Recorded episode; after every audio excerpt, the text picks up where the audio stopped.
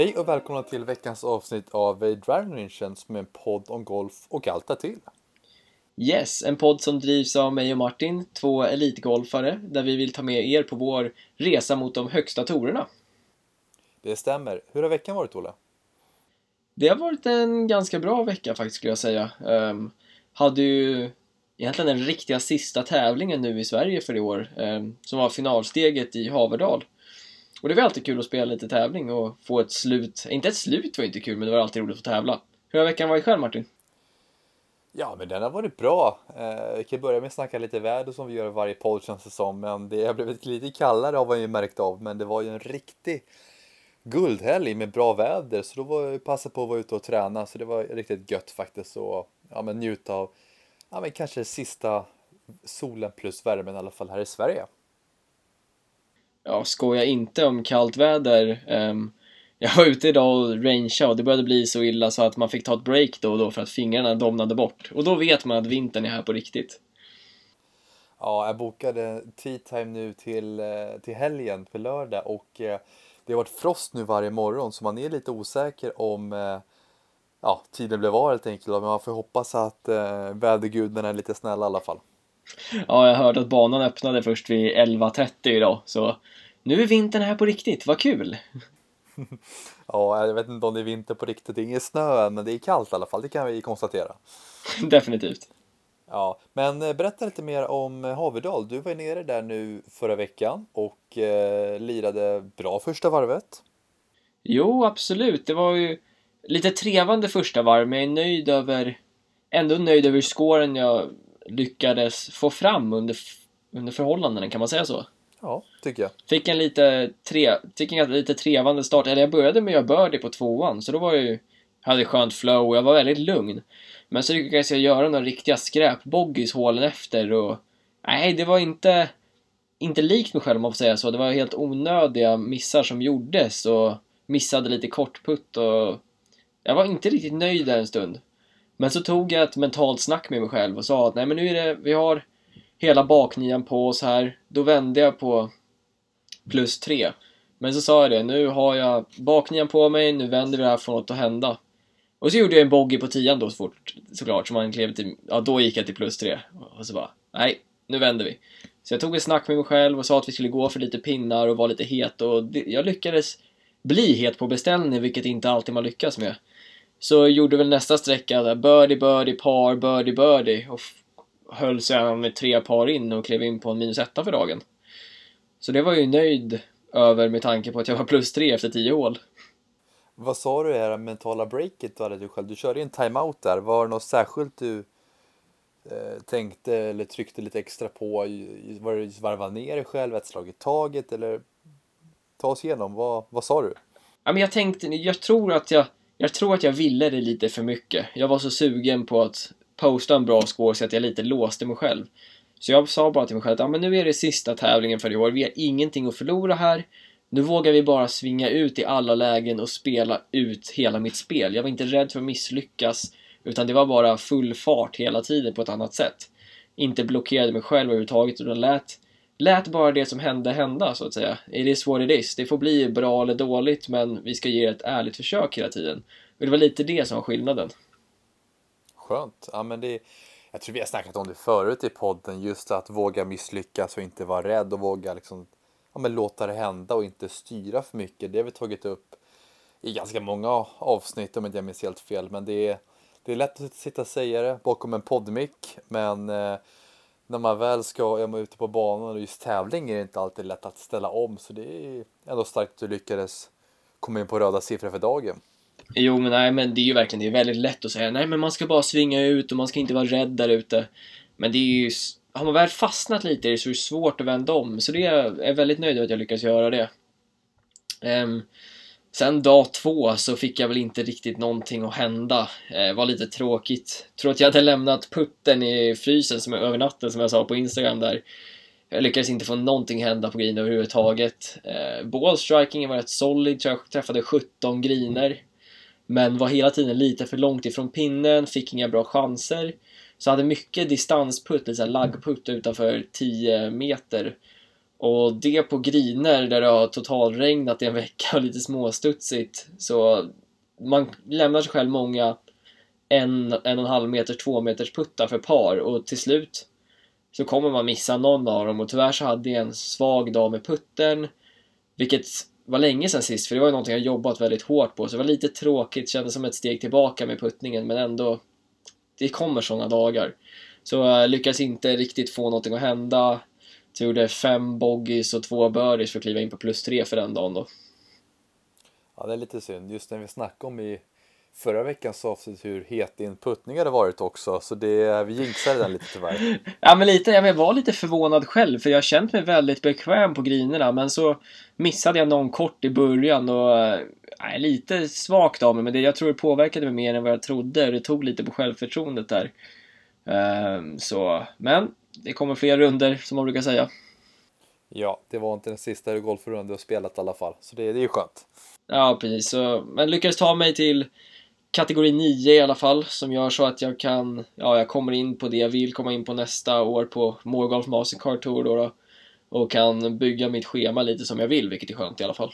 Ja, men det är bra att du känner att du gick därifrån med någon typ av vinst, även fast du inte lirade sista varvet i alla fall som du hade hoppats på. Ja, precis. Ja, ska vi eh, vända blad och eh, kila in lite på vintern, vintersäsongen nu? Ja, som sagt, vi har redan pratat några minuter om att det börjar bli kallt och sådär och kallare kommer det bara bli i några månader framöver. Um, så har du några kul vinterplaner Martin, eller vad planerar du? Vad planerar du att göra för att göra din golf bättre till nästa säsong, så att säga? Framförallt kommer jag öka på eh, nu med fysen och eh, ja, men fortsätta ligga i med den och vara duktig där och eh, ja, fortsätta äta bra mat och sen eh, så blir det lite mer fokus på kanske teknikträningen nu i början i alla fall. Eh, sätta en bra grund inför vintern. Så mycket fokus kommer bli, bli på det här hemma och sen så planen är att åka en bit söderut nu i alla fall nu i vinter en liten period Ja, men just för att komma ut och träna och spela lite men jag tror det är en, eh, ändå ganska välbehövligt med att få lite inomhussäsong och stå och nöta lite teknik. Även fast det inte är kul att vara inomhus så känner jag att jag kan behöva en liten sån period i alla fall. Så det är i alla fall helheten i alla fall så jag har koll på vad jag ska göra eh, med just ja, gå in på tekniken lite mera. Jag ska jobba mot några positioner som jag kommer ja, men gör det lite lättare för mig att träffa bollen som jag vill och mer konsekvent och eh, ja, men fortsätta lägga in vid fysen helt enkelt. Det känns som en viktig del för mig. Hur, eh, hur planerar du själv? Jo, men det är likt på vissa sätt och gör lite skillnad. För det första så är jag på helt samma blad med att jag försöker bygga upp, bygga upp kroppen och göra mig själv starkare. Eh, det kommer vara en stor del av vintern och verkligen ligga i med fysen och rörligheten och så vidare så att jag kan tillåta mig själv att ja, bli ännu bättre på att göra svingen jag gör tills i vår så att säga. Vill få ut mer av min kropp som jag tror att jag kan få ut. Men sen är det lite intressant, för det här är min första, första riktiga vintersäsong nu då på fem år. Eh, tidigare har jag haft en månad varje vinter när jag kliver hem och står i simulatorn och grindar lite positioner. Så jag, jag, känner inte riktigt att det är någonting jag akut så vill ändra på. Jag vet, jag pratar med många som bara säger att åh, det ska bli så skönt att komma in nu en stund i vinter och lägga om svingen eller göra den här förändringen. Men jag känner mig ganska bekväm med det jag är och skulle gärna vilja vara ute och spela, vilket är, vilket är synd för hur det är. Eh, så jag sitter och kollar på lite olika alternativ, vad man kan göra för att ja, förlänga säsongen helt enkelt. Kanske åka iväg någonstans söderut i vinter. Eh, planerar definitivt i alla fall att spela Winter Series, eh, svenska torens ja, Spaniensväng så att säga. Eh, men det är inte förrän i februari, så jag har några månader på mig fram tills dess. Så då blir det ju ja, bygga upp kroppen, kanske finslipa lite på delarna som kanske vill ändra på. Eh, och sen se om jag hittar något mer att åka iväg till. Det är lite så jag tänker inför vintern. Ja, men det låter ju ändå som en bra plan tycker jag det är en bra grundplan i alla fall, sen får man se hur det, hur det artar sig. Ja, man vet ju aldrig vad som händer och så, men det... Jag tror i alla fall för, för min del så gå in lite, men man kommer, så fort man kommer in kommer man ju längta ut igen, så är det ju, men... Eh, Precis, det gäller att ta tillvara på de här sista dagarna nu när gå ute fortfarande på något rimligt sätt. Ja, Nej, men sen tror jag man kommer försöka få utomhus i alla fall så länge det går. Eh, även fast det är lite kallt och lite snö och ranchen är öppen så är rätt gött att se bollen flyga och kunna jobba lite eh, olika mål ute på ranchen. Ja, jag har hört att Österåker ska ha sin range öppen så länge vi bara kan också, så länge det inte ligger snö som man inte kan plocka bollarna. Och det är ju en stor eh, fördel för oss att kunna vara där och faktiskt ja, se och jobba flykter. Vi har ju också en delvis pro tracer system så man kan stå där och köra lite simulatorgolf ute också om man tycker det är kul. Eh, så det, det känns bra, men om vi tänker vintergolf, vi ska också ha vinterled öppet som de kallar det. Är du en vinterspelare Martin? Kommer du vara där ute med en plastmatta på fairway och slå till vintergriner? Jag säger nej nu, men jag vet att jag kommer vara där ändå för jag är jäkla envis. oh, go golfnörden i dig. Ja, man är ju galen, så man kommer ju stå där ändå och huttra och spräcka driven för det är så kallt och vantarna på och klaga, kaffet med, men man kommer ändå njuta lite av just hur galet det är. Eh, ja, men det kanske kan vara någonting i framtiden att lägga upp på Instagram också, vi kör lite klipp när vi är ute och spelar vintergolf. Det låter inte som en dum plan. Eh, det kommer nog ske om jag känner oss rätt. det låter som en kall plan framförallt. Ja, iskallt hörru. Du får bli varm choklad i pausen. En eller fem. Det är, några, några sådana blir det definitivt. Ja, underbart.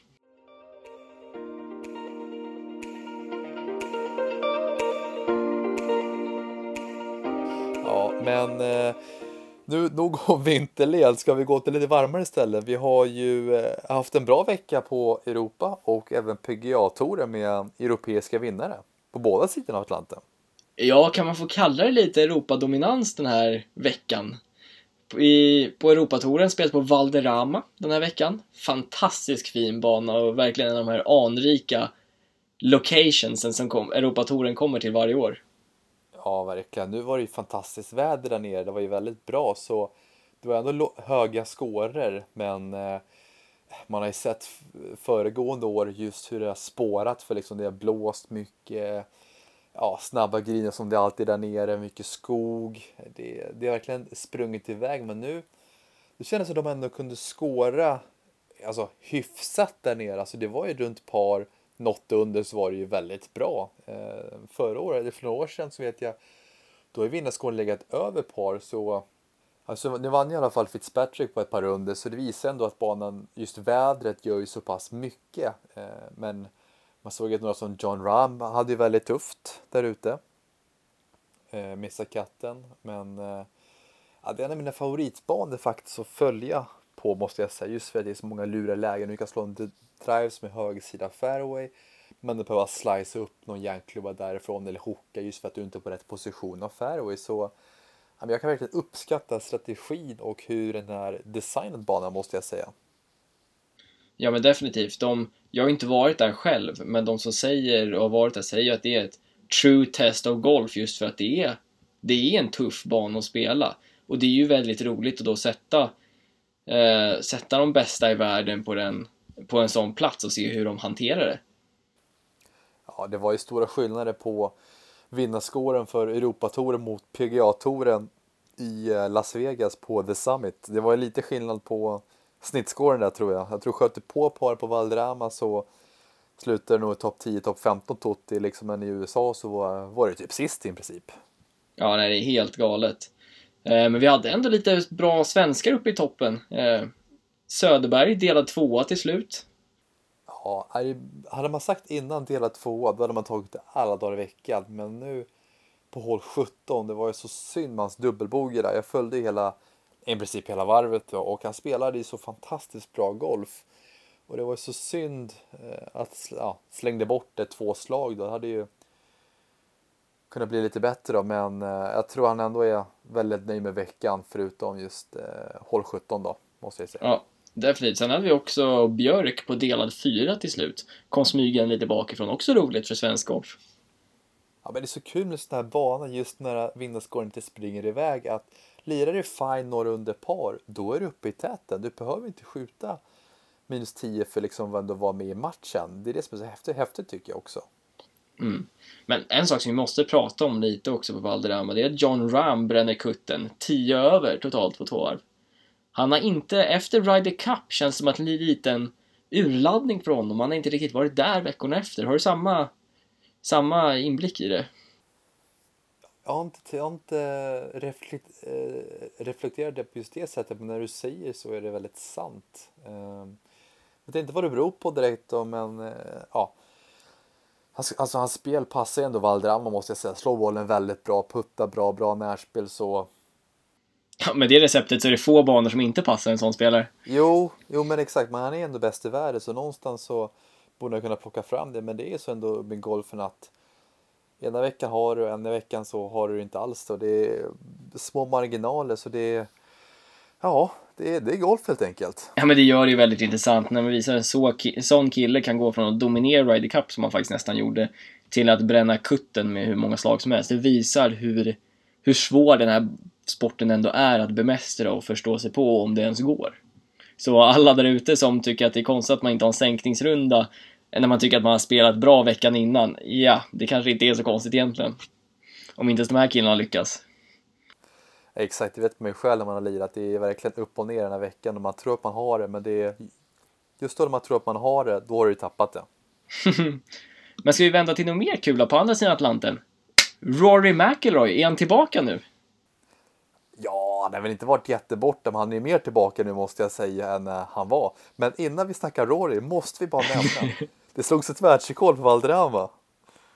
Ja, i fasta... började.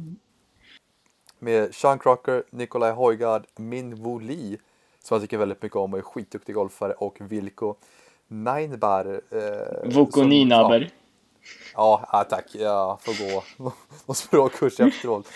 Men de spelar ju eh, hål 17 på Valderrama. Eh, och då slog eh, Vilko ut driven då. Och sen slog Sean upp andra slaget. Och sen så satte Minoli eh, igelputten då. Och tillsammans spelar de ju snabbaste hålet i, som någon har mätt upp då. Det, tiden för att slå var 27,88. Och det slog de med jag tror det var 25 eller 24 sekunder landade på. Det var helt otroligt. Det tog några tagningar. Ja, nej, fantastiskt kul. Återigen, mycket cred till Europatoren för att de gör såna här roliga saker. Det är inte ofta du ser det här på PGA-touren på samma sätt, men det känns som att Europa försöker hitta på så här roliga saker för att öka produktens värde lite och jag älskar att se det. Det är ju fantastiskt kul att se de här killarna utanför sin comfort zone på det sättet. 24,75 sekunder var deras tid. Det, så de slog ändå med en liksom hyfsad marginal måste jag säga. Det här är kanske någonting vi borde testa själv Martin, vad tror du? Absolut, vi får hitta några som är villiga att ställa upp, men... Ja precis, det är jobbigt om du måste slå driven och sen springa till green medan jag slår andra slaget. Det kan bli problem. Ja, nej, så snabb är man inte. Men man måste ändå påpeka vilket typ av hål och spelare på hål 17 är ju inget lätt hål. Nej, nej, definitivt inte. Upp mot 500 yards tror jag. Förlåt, hål 4 var det till och med. Jag sa fel nu. 501 yards, exakt. Hål 4 var det på Valderrama, inte 17. 17 var tuffare. Ja, precis. Uh, nej men fantastiskt kul ändå. Vi och ljuger här? Ja, det här är inte bra. Så, så här, vi visar hur pålästa vi är innan vi, innan vi kör. Ja, men vi, tanken var rätt. Men tillbaka som du sa, Rory. Fan vad kul att han tog tillbaka det. Ja, nu ska vi få gotta oss lite här. Vinst, första på en bra stund. Men det är så roligt när man pratar om det bara, ah, Rory är tillbaka. Var han någonsin inte där eller har man bara så extremt höga krav på honom?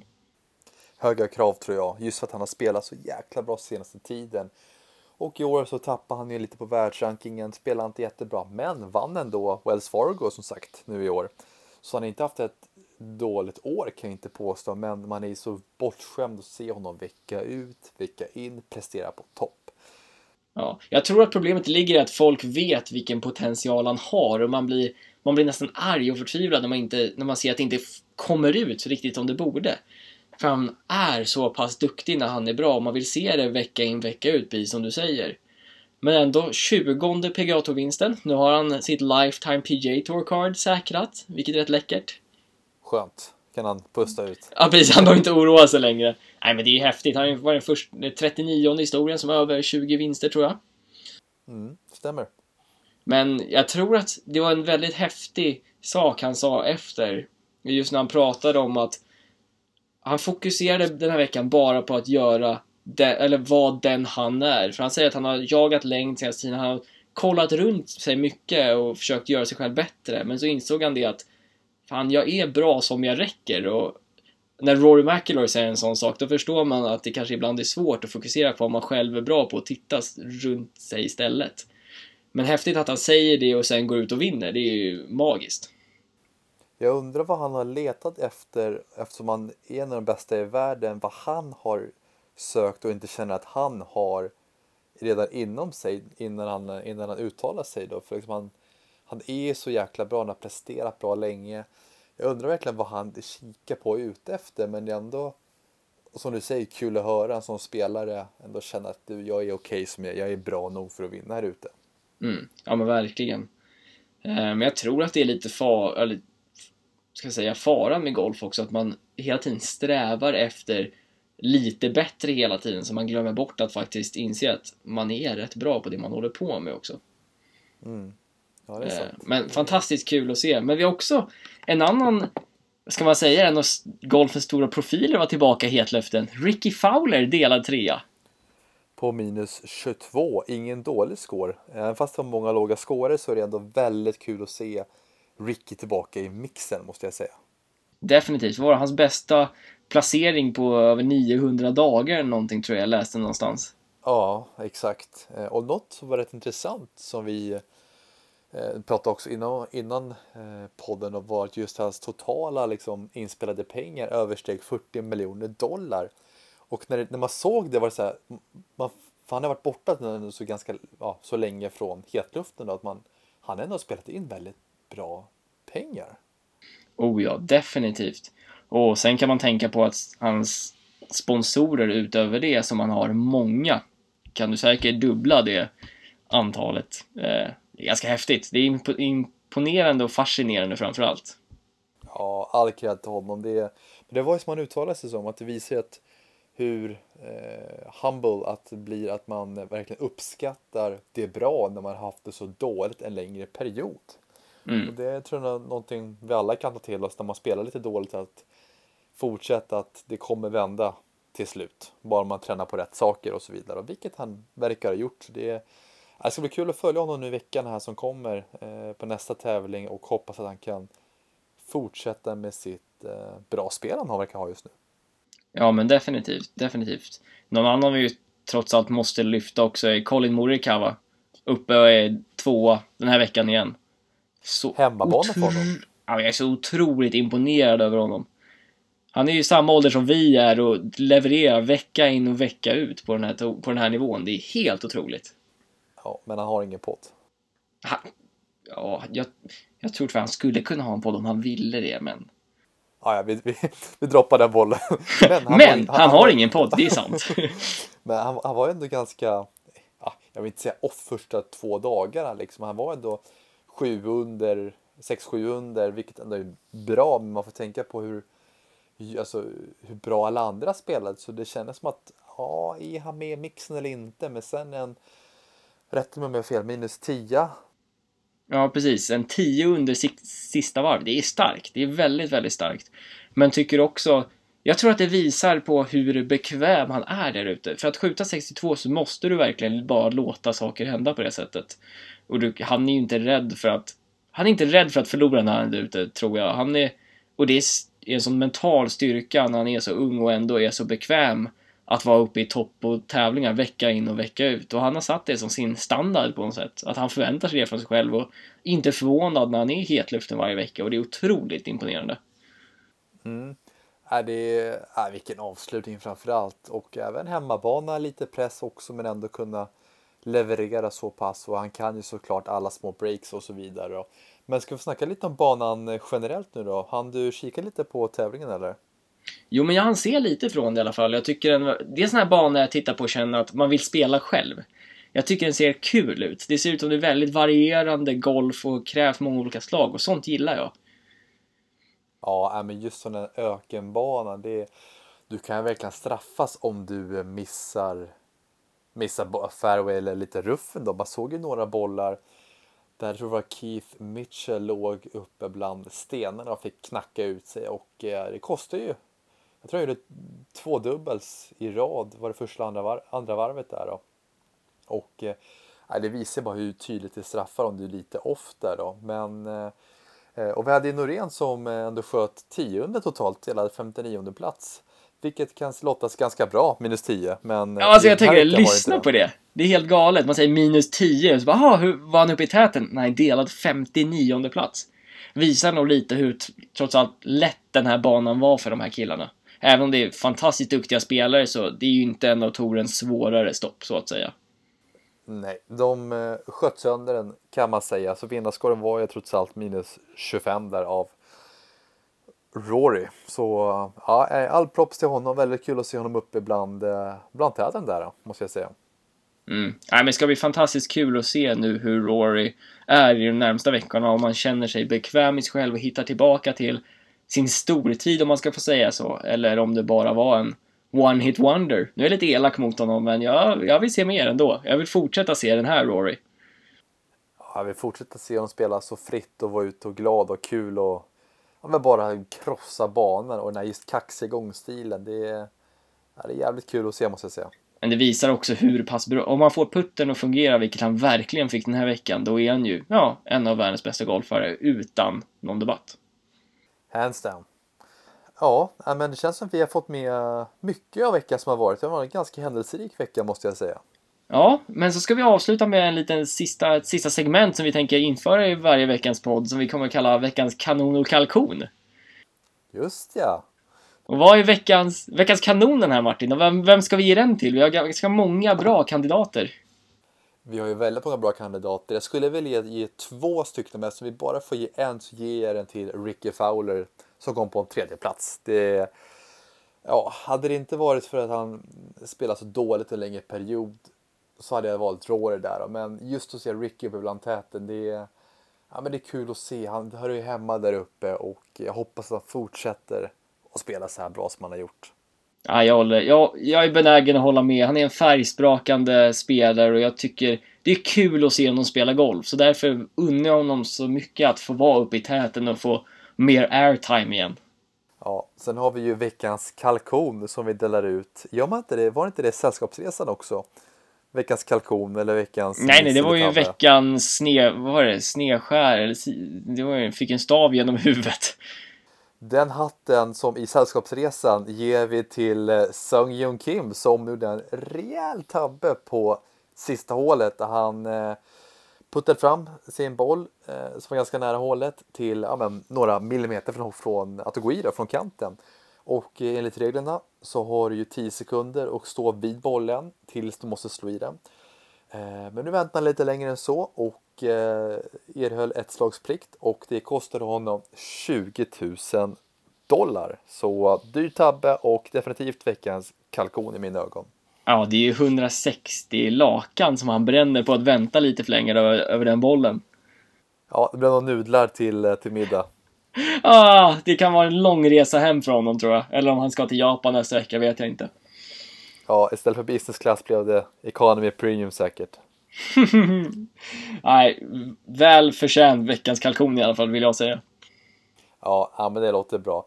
Ja, men det är ett nytt segment som vi hoppas införa med veckans eh, kalkon och eh, kanon helt enkelt. Så får vi se om vi får eh, sätta på några flera Stig-Helmer hattar som i Sällskapsresan Snowroller där om veckans kalkoner då. Men den här veckan som sagt fick Sung Yo Kim den och ganska välförtjänt måste jag säga. Vilken tabbe. Ja. ja, men Olle, som vanligt så kan man hitta vår gemensamma Instagram under driving rangen på Instagram. Så kan man följa mig på Martin Westerlund understreck golf och eh, vart hittar man dig Olle? Mig hittar man på Ryberg Golf på Instagram, där jag som vanligt uppdaterar om tävlingar och lite vardag. Och jag tänker att jag ska bli ännu mer aktiv där nu närmsta tiden, så det kan vara väl, för, välförtjänt ett besök i alla fall. Du går all in för influencer-rollen här nu då? Ja, nu har jag podd, jag har en Instagram, jag ska behöva använda den lite mer, men nu är man inte ute och reser så mycket, så nu har man mer tid att lägga på det, så vi får se vad man kan hitta på för skoj. Ja, men vi, la, vi sa ju som eh, i förra podden vi skulle försöka lägga upp lite mera och vi får ju försöka hålla det löftet tycker jag. Definitivt. Ja, men Olle, du får svinga lugnt så hörs och syns vi. Tack för idag. Det gör vi Martin, tack så mycket. Ciao! Ciao!